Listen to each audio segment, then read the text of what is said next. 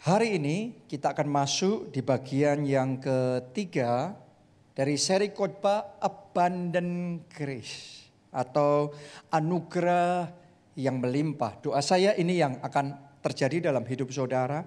Anugerah Tuhan selalu melimpah. Oke.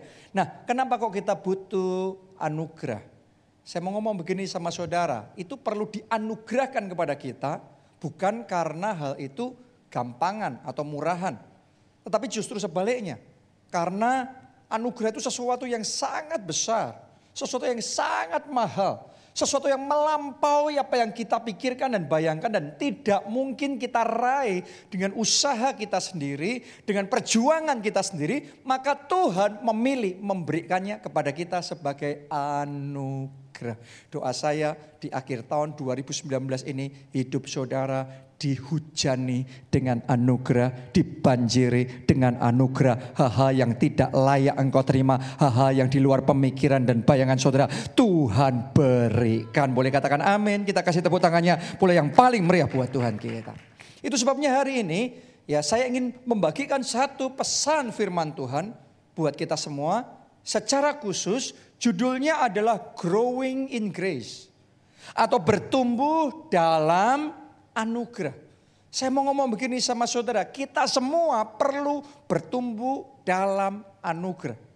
Kalau saudara punya anugerah Tuhan di dalam hidup saudara, nanti Anda akan terheran-heran karena segala sesuatunya akan jadi sendiri dalam hidup saudara. Anda baru berjuang sedikit, tapi karena ada anugerah terjadi terobosan. Anda baru berusaha sebentar, tapi pintu sudah terbuka, kemenangan sudah terjadi. Hal-hal yang luar biasa Tuhan kerjakan dalam hidup saudara, dan itu jadi, jadi, jadi, jadi semuanya dalam hidupmu jadi begitu saja. Kalau ada anugerah.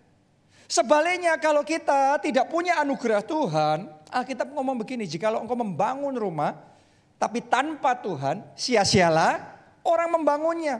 Tanpa Tuhan, pengawal boleh berjaga-jaga, tapi sia-sia tanpa anugerah Tuhan. Jadi saya mau ngomong sama saudara, kita butuh anugerah. Kita butuh bertumbuh dalam anugerah. Jangan sampai sebaliknya. Jangan sampai kehilangan anugerah. Jangan sampai menurun di dalam anugerah. Ya, itu yang dialami oleh Saul. Sebenarnya di awalnya Saul itu orang yang sudah terima anugerah Tuhan. Tapi sayang dia nggak jaga hidupnya. Sampai akhirnya dia mulai kehilangan anugerah Tuhan.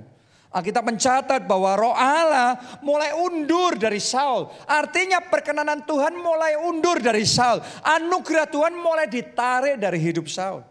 Begitu anugerah mulai hilang dalam hidupnya, kalau Anda baca dalam Alkitab, Anda akan menemukan orang hebat ini jadi nggak ada apa-apanya. Tadinya pemberani, kemudian jadi penakut. Tadinya pemimpin yang bijaksana, tapi kemudian dia jadi sembrono. Keputusannya, langkahnya kacau balau. Oke, tadinya orang yang sangat percaya diri, tapi terus kemudian dia mulai krisis kepercayaan. Tadinya imannya penuh, sekarang seperti seolah-olah kehilangan imannya. Tadinya kalau dia maju perang, Saul itu selalu menang, menang, menang, menang. Tapi begitu anugerah Tuhan diambil daripadanya, izinnya kalah, kalah, kalah, kalah, kalah. Ya, sejak roh Tuhan undur daripada Saul yang namanya favor, yang namanya grace, yang namanya anugerah juga mulai hilang dalam hidupnya. Jadi saya mau ngomong begini sama saudara, jangan sampai kehilangan anugerah. Oke, jangan sampai anugerah Tuhan dalam hidupmu malah mengecil.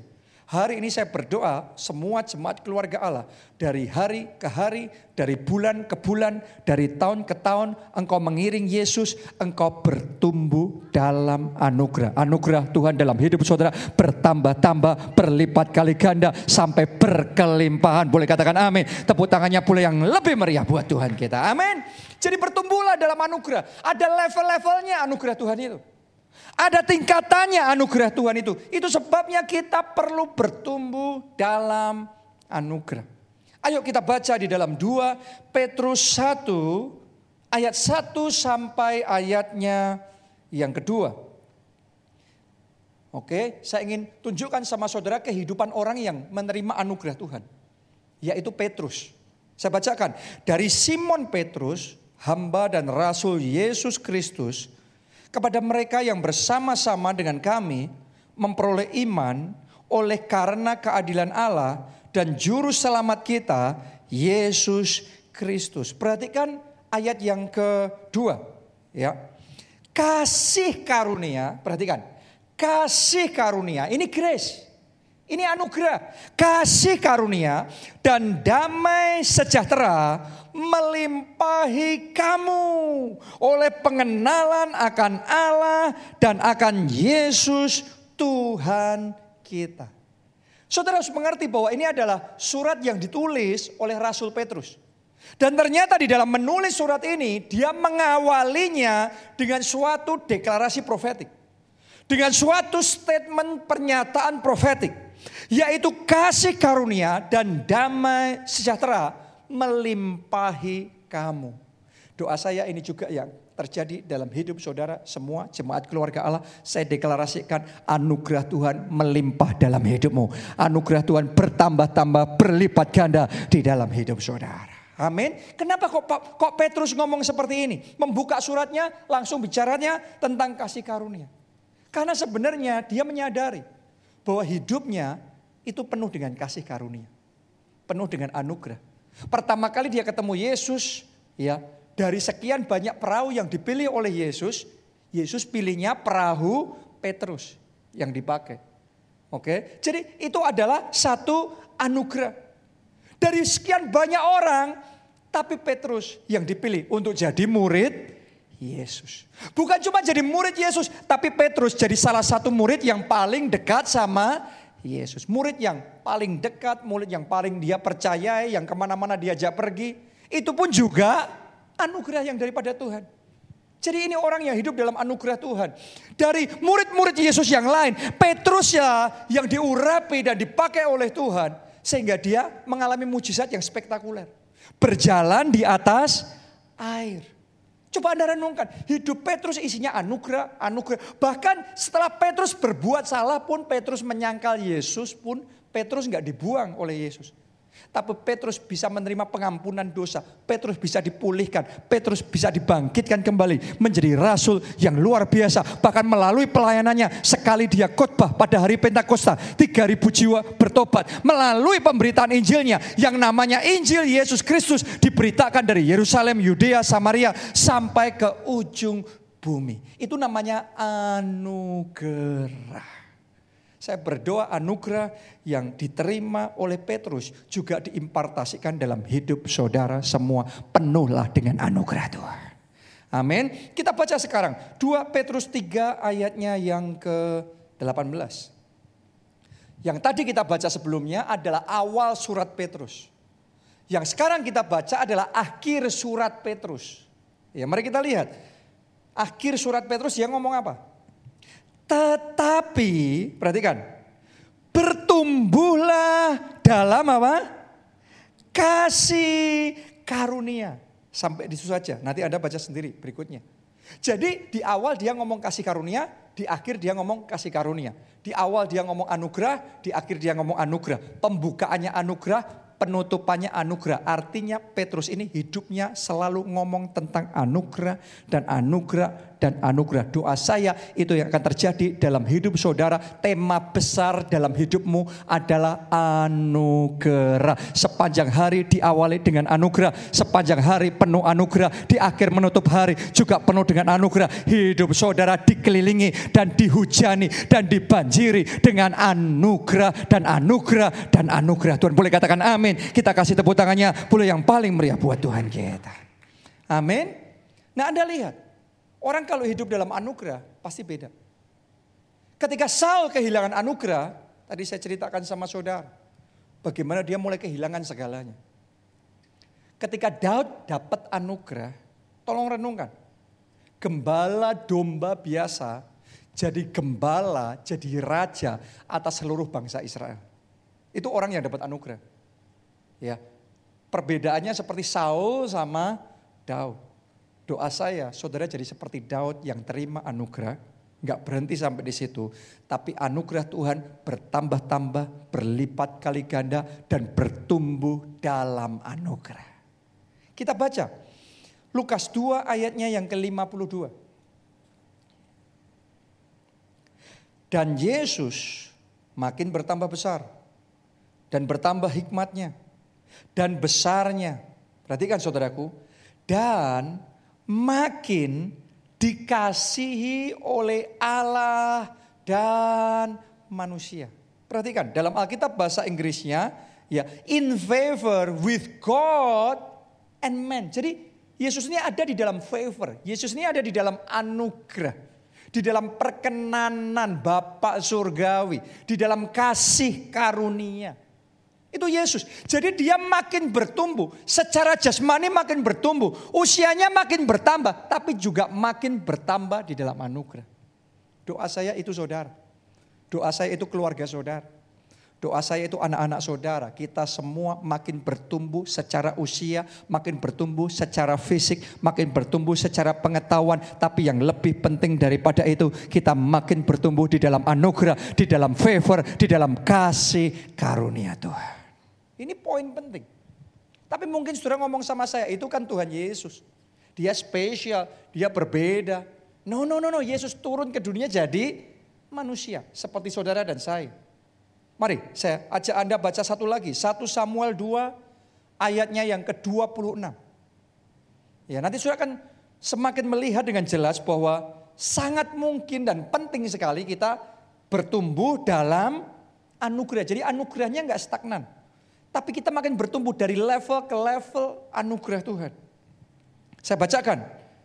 Tetapi Samuel yang muda itu semakin besar dan semakin disukai baik di hadapan Tuhan maupun di hadapan manusia. Lihat saudaraku, anak kecil ini yang tadinya biasa-biasa aja, tetapi dia makin bertumbuh besar, bertambah besar, dia makin disukai. Makin disukai itu makin di dalam favor, makin di dalam anugerah, makin di dalam kasih karunia. Saya berdoa sementara kita akan menutup tahun 2019 ini sungguh-sungguh ada satu hal yang Tuhan kerjakan dalam hidup saudara. Anugerah Tuhan tidak stagnan, tidak berhenti, tidak berkurang, tidak hilang. Tapi anugerah Tuhan bertambah, anugerah Tuhan bertumbuh, anugerah Tuhan berlipat kali ganda, anugerah Tuhan berlimpah-limpah di dalam hidup saudara. Kita kasih tepuk tangannya pula yang paling meriah buat Tuhan kita. Buat saya saudaraku, contoh yang paling jelas adalah gembala senior kita. Bapak rohani kita, yaitu Pak Obaca. Kalau Anda melihat kisah hidup Pak Obaca, Anda akan menyadari ini kisah hidup orang yang menerima anugerah Tuhan. Dari yang tadinya dia adalah anak remaja yang merasa tidak punya masa depan karena dia menderita satu penyakit pada waktu itu. Bagaimana rambutnya rontok, semua rambut itu punya rontok. Sehingga dia jadi anak muda yang sangat minder sekali. Seolah-olah dia tidak punya hari esok, dia tidak punya masa depan. Dan tidak ada kesembuhan. Dia sudah cari semua, nggak ada jalan keluar, nggak ada kesembuhan. Tapi yang luar biasa, anugerah Tuhan datang dalam hidupnya.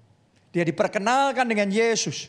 Dia buka hatinya dan dia percaya kepada Yesus dan anugerah Tuhan dalam datang dalam hidupnya. Hidupnya dipulihkan, jiwanya diselamatkan. Dia hidup baru bersama dengan Tuhan. Sejak saat itu dari anak muda biasa sampai hari ini terus anugerah Tuhan bertambah, anugerah Tuhan bertumbuh dan berlipat kali ganda dalam hidupnya. Bukan hanya diselamatkan dari masa depan yang suram, tapi saat ini Tuhan bangkitkan Pak Obaja untuk jadi berkat bagi bangsa bangsa. Melalui hidupnya banyak jiwa diselamatkan. Melalui hidupnya banyak keluarga bisa dipulihkan. Melalui hidupnya bukan hanya Indonesia tapi bangsa-bangsa juga diberkati. Doa saya itu yang akan turun dalam hidup saudara yaitu anugerah Tuhan sehingga saudara juga jadi terang bagi bangsa-bangsa. Boleh katakan amin. Kita kasih tepuk tangan yang meriah buat Tuhan kita.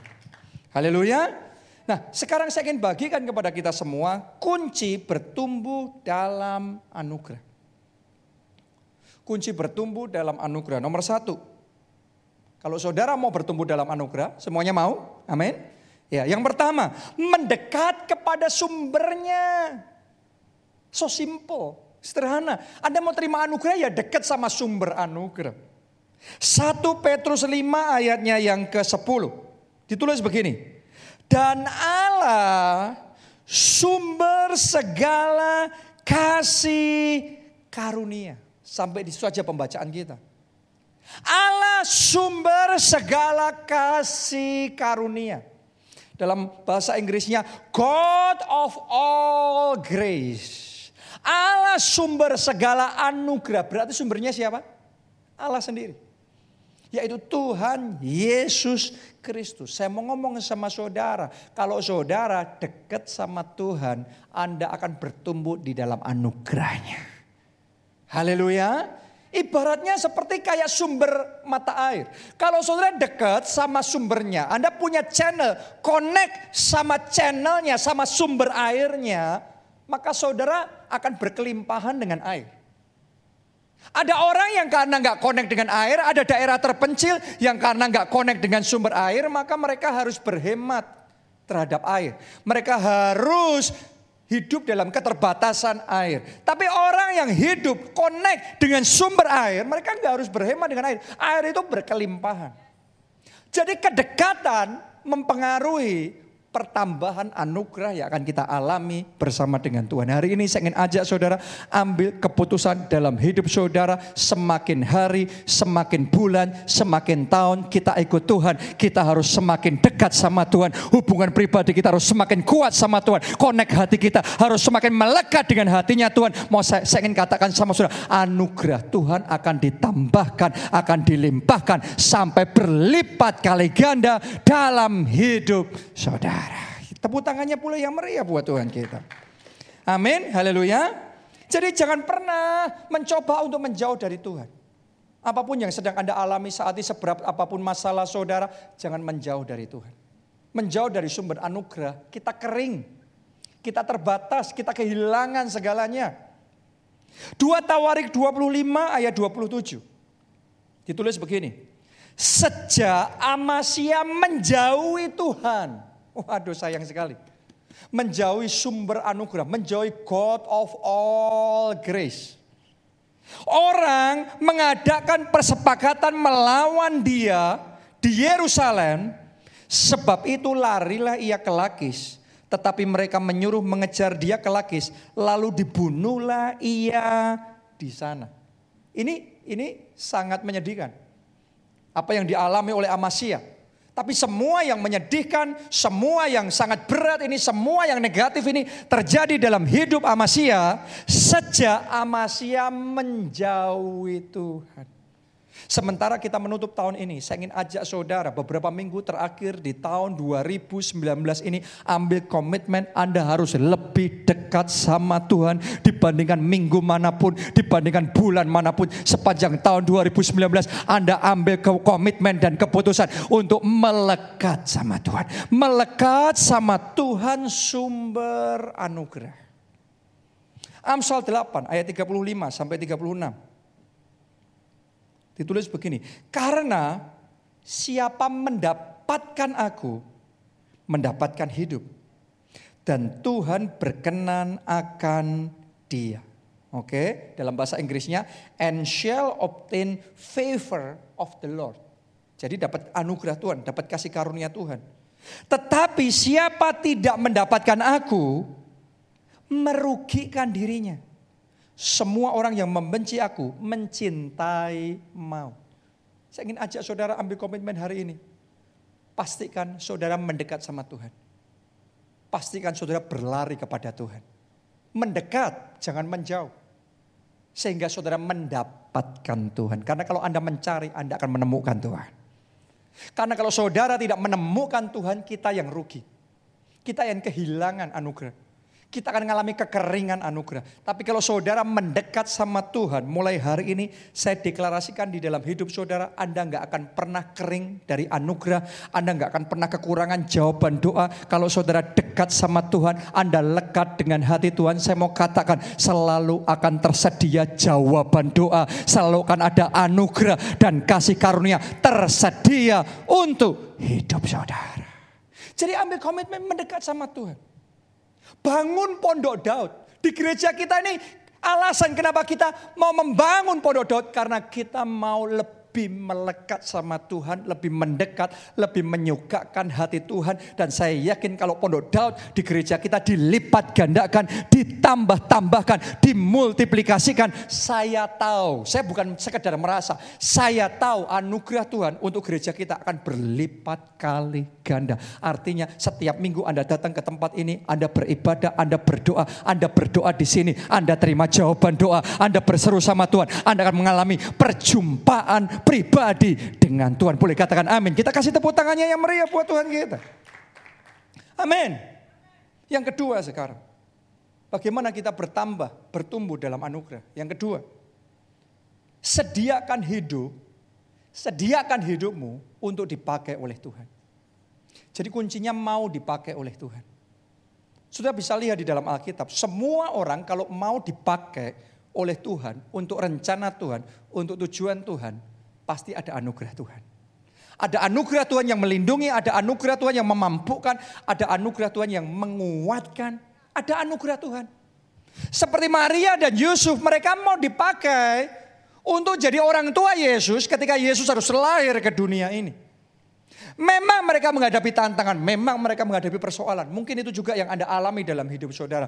Tapi saya mau katakan selama engkau berkata Tuhan pakai hidupku, pakai tangan ini, pakai kaki ini, pakai lidah ini, pakai semua yang ada dalam hidupku untuk rencanamu, untuk maksudmu, untuk tujuanmu, untuk hormat dan kemuliaanmu. Saya mau yakinkan sama saudara engkau tidak ditinggalkan sendiri. Pasti ada anugerah Tuhan yang akan menyertai saudara. Pasti ada anugerah Tuhan yang menguatkan saudara. Pasti ada anugerah Tuhan yang akan buka jalan di dalam hidup saudara. Istri saya mengalami hal ini, Pastor Nita. Sebenarnya saya tahu, dalam urusan berkhotbah, itu suatu struggle buat istri saya, sebuah pergumulan. Kalau buat saya beda, saya khotbah kapan pun jalan. Oke, okay? saya khotbah ya khotbah aja. Saya nggak grogi, saya nggak bingung, saya nggak bergumul ya sudah. Saya persiapan, saya tahu saya sudah persiapan, saya berdoa dan saya sampaikan firman Tuhan. Tapi setiap orang berbeda-beda. Buat istri saya, saudaraku, kalau dia mau berkhotbah itu sering kali harus bergumul dulu, harus pusing dulu, harus tumpah-tumpah dulu, harus ini dulu, harus banyak banyak hal dulu sehingga sampai di satu titik karena begitu banyak hal yang tidak menyenangkan yang harus dia alami setiap kali mau berkhotbah maka dia sudah berpikir untuk berhenti berkhotbah. Maka dia berpikir untuk nggak usah lagi berkhotbah. Pelayanan boleh yang lain tapi nggak jangan khotbah. Tapi Tuhan ngomong begini, kamu tetap harus berkhotbah. Kamu tetap harus berkhotbah. Sampai di satu titik ya dia mengalami satu kejadian waktu itu di pesawat Ya, di pesawat, wah terjadi yang namanya angin taufan sehingga pesawat itu benar-benar dalam kondisi yang sangat kritis. Semua orang sudah teriak-teriak histeris. Ya pramugarinya sudah, wah semuanya kacau keadaannya. Itu momen yang sangat menegangkan. Tapi di momen seperti itu, orang buat janji sama Tuhan. Tuhan apa pun Tuhan yang Tuhan mau aku akan lakukan. Dan hari itu Tuhan tantang dia untuk kembali menyampaikan firman Tuhan. Kembali untuk berkhotbah, untuk dipakai Tuhan menyampaikan Injil Yesus Kristus. Dan di situ diambil komitmen, ya Tuhan pakai hidupku. Ya Tuhan pakai lidahku, ya Tuhan pakai perkataanku. Itu komitmen, dia mau dipakai oleh Tuhan. Dan dalam sekejap anugerah Tuhan datang. Dalam sekejap pesawat itu ditenangkan. Dalam sekejap mereka bisa landing dengan baik. Keselamatan datang. Bukan cuma itu aja. Sekarang setiap kali dia menyampaikan firman Tuhan selalu ada anugerah Tuhan. Ketika dia bicara perkataannya jadi berkat. Ketika dibicara banyak orang yang mendengarkan dan dijamah hidupnya dan diselamatkan dan dipulihkan keluarganya oleh Tuhan dan dijawab doanya dan mujizat terjadi, kesembuhan terjadi. Ketika dia mau dipakai oleh Tuhan ada anugerah Tuhan yang memampukan doa saya, anugerah yang memampukan memampukan juga Anda terima di dalam nama Tuhan Yesus. Kita kasih tepuk tangannya pula yang meriah buat Tuhan kita. Haleluya. Itu yang kedua. Yang ketiga, supaya kita bertumbuh di dalam anugerah, rahasianya adalah senantiasa bersyukur. Mau terima anugerah Tuhan? Saya mau ngomong sama saudara, bersyukur. Belum bisa ganti mobil yang baru, bersyukur sama mobil yang lama. Belum punya rumah sendiri, syukuri rumah kontrakan saudara. Apa pun yang ada dalam hidup saudara, apa pun yang Tuhan percayakan di tangan saudara, hari ini saya mau katakan belajar bersyukur. Orang yang tahu bersyukur dengan apa yang Tuhan sudah berikan sekarang, itu akan mendatangkan perkenanan Tuhan dan mendatangkan anugerah yang lebih besar tercurah di dalam hidup saudara. Syukuri itu, syukuri itu. Jangan selalu melihat orang yang lebih dari saudara dan Anda tidak bisa bersyukur dengan apa yang ada di dalam hidup saudara. Belajarlah untuk bersyukur. Tahukah saudara bahwa pintu berkat Tuhan itu punya password? Passwordnya apa? Thank you Jesus. Terima kasih Tuhan Yesus. Yang namanya pintu berkat itu tidak bisa engkau paksa, engkau dobrak, No, pintu berkat Tuhan canggih. Pintu berkat Tuhan sudah lebih modern daripada kita. Engkau nggak bisa paksa-paksa cara gimana. No, berkat Tuhan nggak bisa dipaksa. Tapi ketika engkau belajar bersyukur. Ketika engkau memperkatakan pada pintu berkat Tuhan itu, thank you Lord. Thank you Jesus. Thank you for my family. Terima kasih untuk keluargaku. Terima kasih untuk pekerjaan yang engkau beri. Terima kasih untuk kesehatan. Terima kasih untuk pelayanan. Terima kasih untuk semua yang sudah Tuhan kerjakan dalam hidupku. Itu adalah password yang sedang Anda ucapkan. Ketika engkau memperkatakan password itu, pintu-pintu akan terbuka dan anugerah yang lebih besar akan dicurahkan dan terjadi di dalam hidup saudara. Amin. Jadi hari ini saya ingin aja saudara belajar bersyukur. Ketika saya memulai semua pelayanan yang saat ini dipercayakan kepada saya, saya belajar satu rahasia yang penting sekali, yaitu bersyukur. Kalau saudara bisa terus bersyukur dalam setiap level Anda dibawa Tuhan, Anda nggak akan stagnan. Saudara akan dibawa dari satu level ke level berikutnya. Dari satu anugerah ke anugerah yang semakin besar Anda bertumbuh dalam anugerah Tuhan. Haleluya. Itu yang ketiga. Yang keempat. Kalau kita mau bertumbuh di dalam anugerah Tuhan, yang keempat kuncinya adalah kerendahan hati. Oke, rendah hati. Orang yang tahu merendahkan diri di hadapan Tuhan, justru dia akan ditinggikan. Diangkat dan dipromosikan. Tuhan suka sama orang yang rendah hati. Makanya kalau orang rendah hati terimanya anugerah. Kita baca 1 Petrus 5 ayat 5b. 5b. Ditulis begini. Allah menentang orang yang congkak. Orang yang congkak itu, orang sombong itu merasa percaya diri. Merasa dia lebih hebat dari yang lain. Merasa dia lebih berkelas dari yang lain. Lebih pintar dari yang lain. Lebih sukses, lebih berprestasi daripada yang lain. Terus merendahkan orang lain. Tapi ternyata saat kita merasa kayak gitu, kita ngomong Allah menentang orang yang congkak. Tetapi mengasihani orang yang rendah hati. Doa saya ketika Tuhan melihat hidup saudara, yang Tuhan lihat ada rendah hati dalam hatimu. Karena kalau Tuhan temukan rendah hati, kita ngomong Tuhan mengasihi orang yang rendah hati. Doa saya kasih Tuhan semakin melimpah, semakin kau merendahkan hati saudara, semakin besar kasih dan anugerahnya dilimpahkan di dalam hidup saudara. Sudah lihat Pak Obaja, gembala senior kita. Ya, saya melihat terus menerus bagaimana Tuhan itu membawa Pak Obaja tambah hari tambah maju, tambah hari tambah naik, tambah hari tambah besar, tambah hari tambah luar biasa. Seiring dengan dia diangkat oleh Tuhan, yang paling luar biasa adalah semakin dia rendah hati. Biasanya orang kalau diangkat oleh Tuhan jadi sombong. Tadinya humble, tadinya rendah hati. Tapi baru sukses sedikit aja saya melihat banyak orang langsung lupa diri. Banyak orang langsung perkataannya jadi kasar sekali. Banyak orang langsung nginjek dan merendahkan orang lain. Tapi Pak Obaja saudaraku semakin diangkat oleh Tuhan. Anda lihat Pak Obaja. Orangnya low profile. Orangnya rendah hati. Doa saya itu yang akan Anda lakukan dalam hidup saudara. Semakin Tuhan mengangkat saudara, semakin engkau rendah hati, semakin engkau menyenangkan hati Tuhan. Amin. Belajar rendah hati. Nah Pak Obaja ini saya berulang kali menjumpai dan melihat sendiri, mendengarkan sendiri. Setiap kali ada orang yang memuji dia. Namanya orang diangkat Tuhan, namanya orang diberkati Tuhan, namanya orang dipakai Tuhan melakukan perkara-perkara besar. Maka orang lain melihat dan orang lain akan apa? Memuji. Jadi ada pujian diberikan. Wah Pak Obaja hebat. Wah Pak Obaja luar biasa. Wah Pak Obaja dipakai Tuhan dahsyat sekali. Waktu Pak Obaja menerima pujian, tahukah saudara apa jawaban Pak Obaja? Seringkali yang keluar dari mulut Pak Obaja, dia ngomongnya begini, aku cuma kacungnya Tuhan.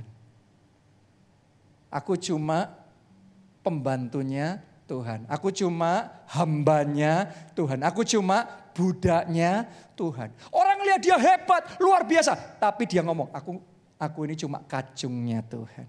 Jadi semakin dia diangkat, semakin dia merendahkan hati. Karena itu tidak bisa tidak.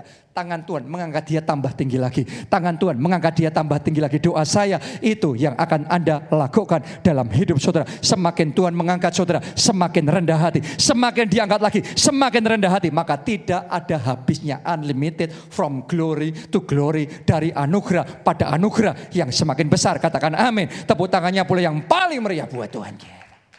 Sama Pak Obaja, sama juga Pastor Adeboye. Sekarang dia gembala sidang gereja terbesar di dunia. Tapi tahukah saudara, dia sering kali ngomongnya sama Tuhan gimana? Dia ngomongnya tentang dirinya terhadap orang lain, itu gimana? Tentang dirinya sama orang lain kalau dia ngomongan. Dia ngomong, I'm just small boy. I'm just his small, small boy. Itu yang dikatakan Pastor Adeboye. Dia ngomong aku ini cuma anaknya Tuhan, anak yang nggak ada apa-apanya, yang yang yang kecil, yang nggak ada apa-apanya. Artinya dia sudah sekelas itu, sebesar itu, tapi dia ngomong aku nggak ada apa-apanya. Tanpa anugerah Tuhan, aku tidak ada apa-apanya. Itu orang yang hidup di dalam anugerah Tuhan. Jangan sampai terbalik, jangan sampai baru diangkat sedikit, baru diberkati sedikit sudah langsung ngomongnya wah I'm something ya aku aku hebat, aku wah. No, no, no, no, no. Karena Tuhan gak suka sama orang yang congkak, tapi Tuhan cinta sama orang yang rendah hati. Jadi hari ini ambil keputusan merendahkan hatimu di hadapan Tuhan. Kalau di hati rasanya kayak melambung gimana? Ambil keputusan cepat-cepat merendahkan hati di hadapan Tuhan. Ingat Tuhan cinta, Tuhan suka, Tuhan mengasihi orang yang rendah hati. Amin. Yang kelima, yang terakhir, rahasia bertumbuh dalam anugerah, yaitu memiliki kasih dan kesetiaan. Oke, kita baca ayat yang terakhir di Amsal 3 ayat 3 sampai ayatnya yang keempat. Amsal 3 ayat 3 sampai ayat yang keempat. Oke. Ditulis begini, janganlah kiranya kasih dan setia meninggalkan engkau. Jadi jangan sampai kehilangan kasih dan setia. Kalungkanlah itu pada lehermu, tuliskanlah itu pada loh hatimu, maka engkau akan mendapat kasih. Dalam bahasa Inggrisnya favor, anugerah grace dan penghargaan dalam pandangan Allah serta manusia. Jadi ini yang terakhir. Kalau saudara mau bertumbuh dalam anugerah Tuhan, miliki kasih dan setia. Oke? Kalau saudara mengasihi Tuhan, terus mengasihi Tuhan, Anda setia. Kasih dan kesetiaan saudara akan membawa anugerah Tuhan semakin berlimpah di dalam hidup saudara. Hari ini ambil keputusan mengasihi Yesus seumur hidup saudara. Apa pun yang terjadi, sekali Yesus tetap Yesus, tidak ada lagi jalan balik, tetap mengikut Yesus segenap hati dalam hidup kita. Tetap setia. Setianya saudaraku jangan setia jika. Banyak orang setia, tapi jika, jika diberkati. Setia jika dijawab doanya. Setia jika ada promosi, jika mujizat terjadi. Hari ini saya tantang saudara ambil komitmen setianya sekalipun. Sekalipun mujizat belum terjadi. Sekalipun jawaban doa belum engkau terima. Sekalipun promosi belum datang. Sekalipun segala sesuatunya kayaknya belum ada apa-apanya. Tapi saya tantang saudara, ambil komitmen. Tetap setia. Apa pun terjadi, kita tetap cinta Tuhan. Kita tetap setia sama Tuhan. Itulah yang dilakukan Sadrak, Mesak, dan Abednego. Ketika mereka diancam untuk dilemparkan ke dapur berapi. Kalau tidak menyembah kepada yang dewa yang dibuat oleh raja. Tapi mereka ngomong, tidak, kami hanya menyembah Tuhan. Kami hanya mengasihi Tuhan. Kami hanya setia sama Tuhan. Kami percaya Tuhan kami sanggup menyelamatkan kami. Itu iman. Tapi bukan cuma punya iman. Mereka punya setia sekalipun.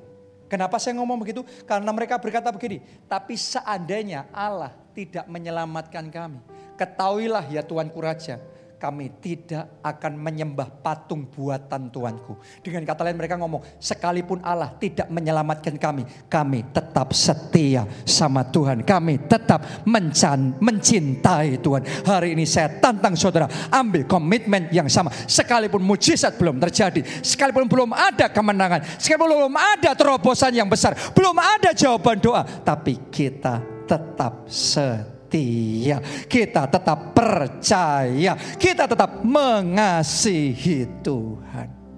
Dan Anda lihat, untuk orang yang seperti itu, punya kasih dan setia sama Tuhan seperti itu, tidak akan ditinggalkan.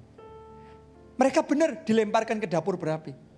Tapi ada anugerah Tuhan yang melindungi mereka. Ada anugerah Tuhan yang menyelamatkan mereka. Saudara saat ini yang seolah-olah merasa ada dalam dapur berapi, ada dalam masalah dan pergumulan. Saya mau katakan sama saudara, apa pun yang terjadi tetap setia. Tetap mengasihi Tuhan. Bahkan engkau di tengah masalah ini tambah setia, tambah mengasihi Tuhan. Maka anugerahnya akan dilimpahkan dalam hidup saudara. Amin. Siapa yang mau ambil komitmen untuk setia dan mengasihi Tuhan? Semuanya saya ajak, mari kita bangkit berdiri. Kita nyanyikan lagu ini bersama-sama. Sungguh besar setiamu Nyata Nyata di sepanjang hidupku Amin Darahmu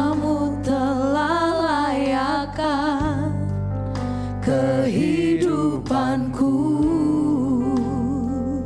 Tiada kata yang bisa.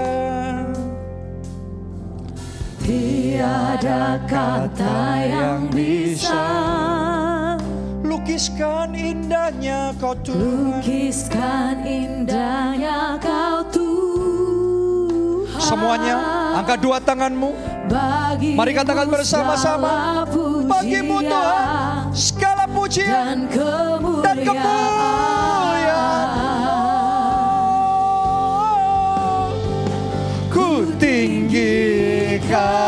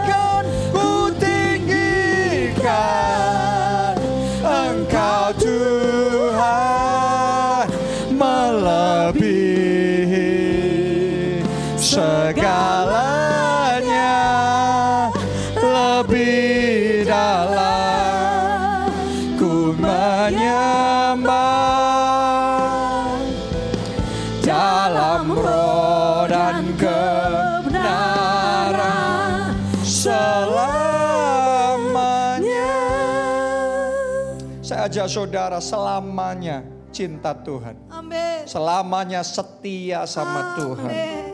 Hari ini kita bicara tentang anugerah. Bertumbuh dalam anugerah. Saya mau ajak saudara ambil komitmen untuk hidup dalam anugerah Tuhan.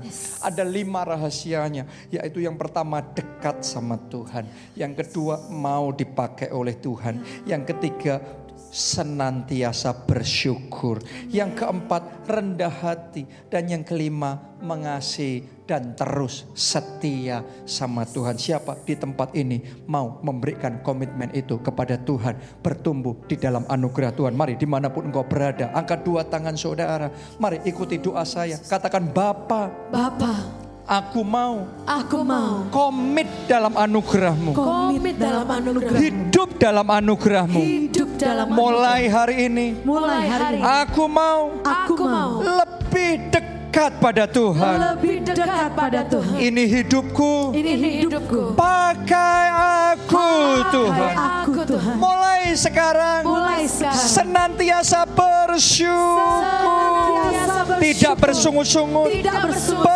Bersyukur. Bersyukur. Aku komit Aku komit merendahkan hati terus mengasihi dan terus mengasihi setia pada Tuhan. Mari semuanya berdoa, berdoa. Komitmen saudara, komitmen, komitmen. Karena Tuhan melihat hati. Tuhan melihat kerendahan hatimu. Tuhan melihat kesetiaanmu. Tuhan melihat bagaimana engkau mengasihi dia.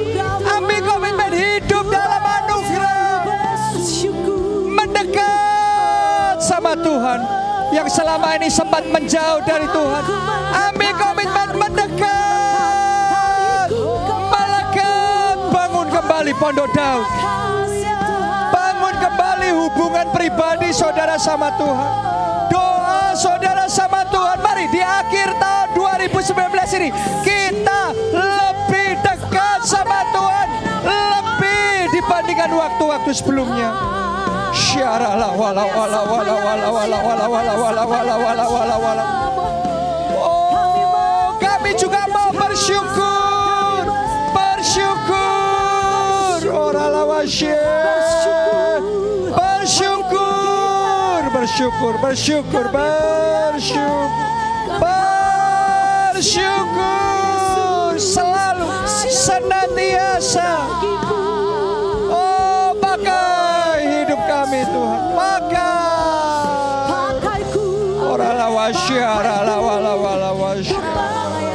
Terima kasih. Sekarang yang kedua saudaraku, saya mau berdoa supaya anugerah Tuhan itu bertambah-tambah dalam hidupmu. Anugerah Tuhan berlipat kali ganda. Engkau hidup dari anugerah pada anugerah, bertambah dan bertumbuh dalam anugerah. Mari saudara yang mau angkat dua tangan saudara. Mari kita deklarasikan secara profetik bersama-sama. Semuanya katakan dengan suara keras di dalam nama Tuhan Yesus. Dalam nama Tuhan Yesus. Anugerah yang berlimpah. Anugerah yang berlimpah. Aku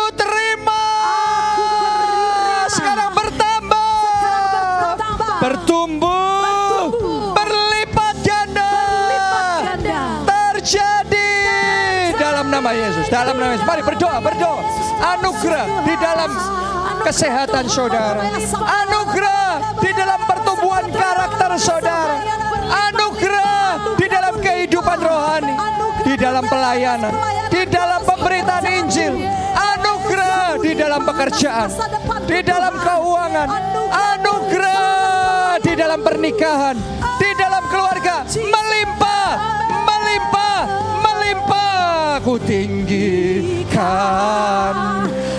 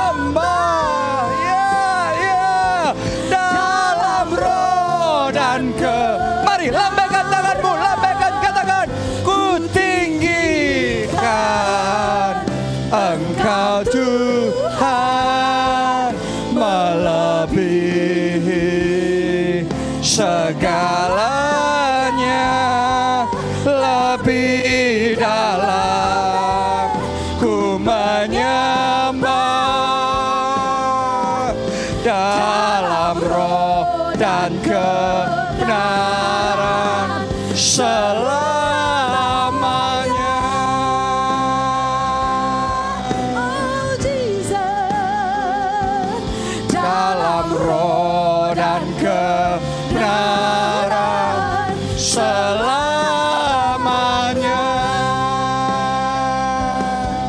Yes, yes, dalam roh dan kebenaran selamanya.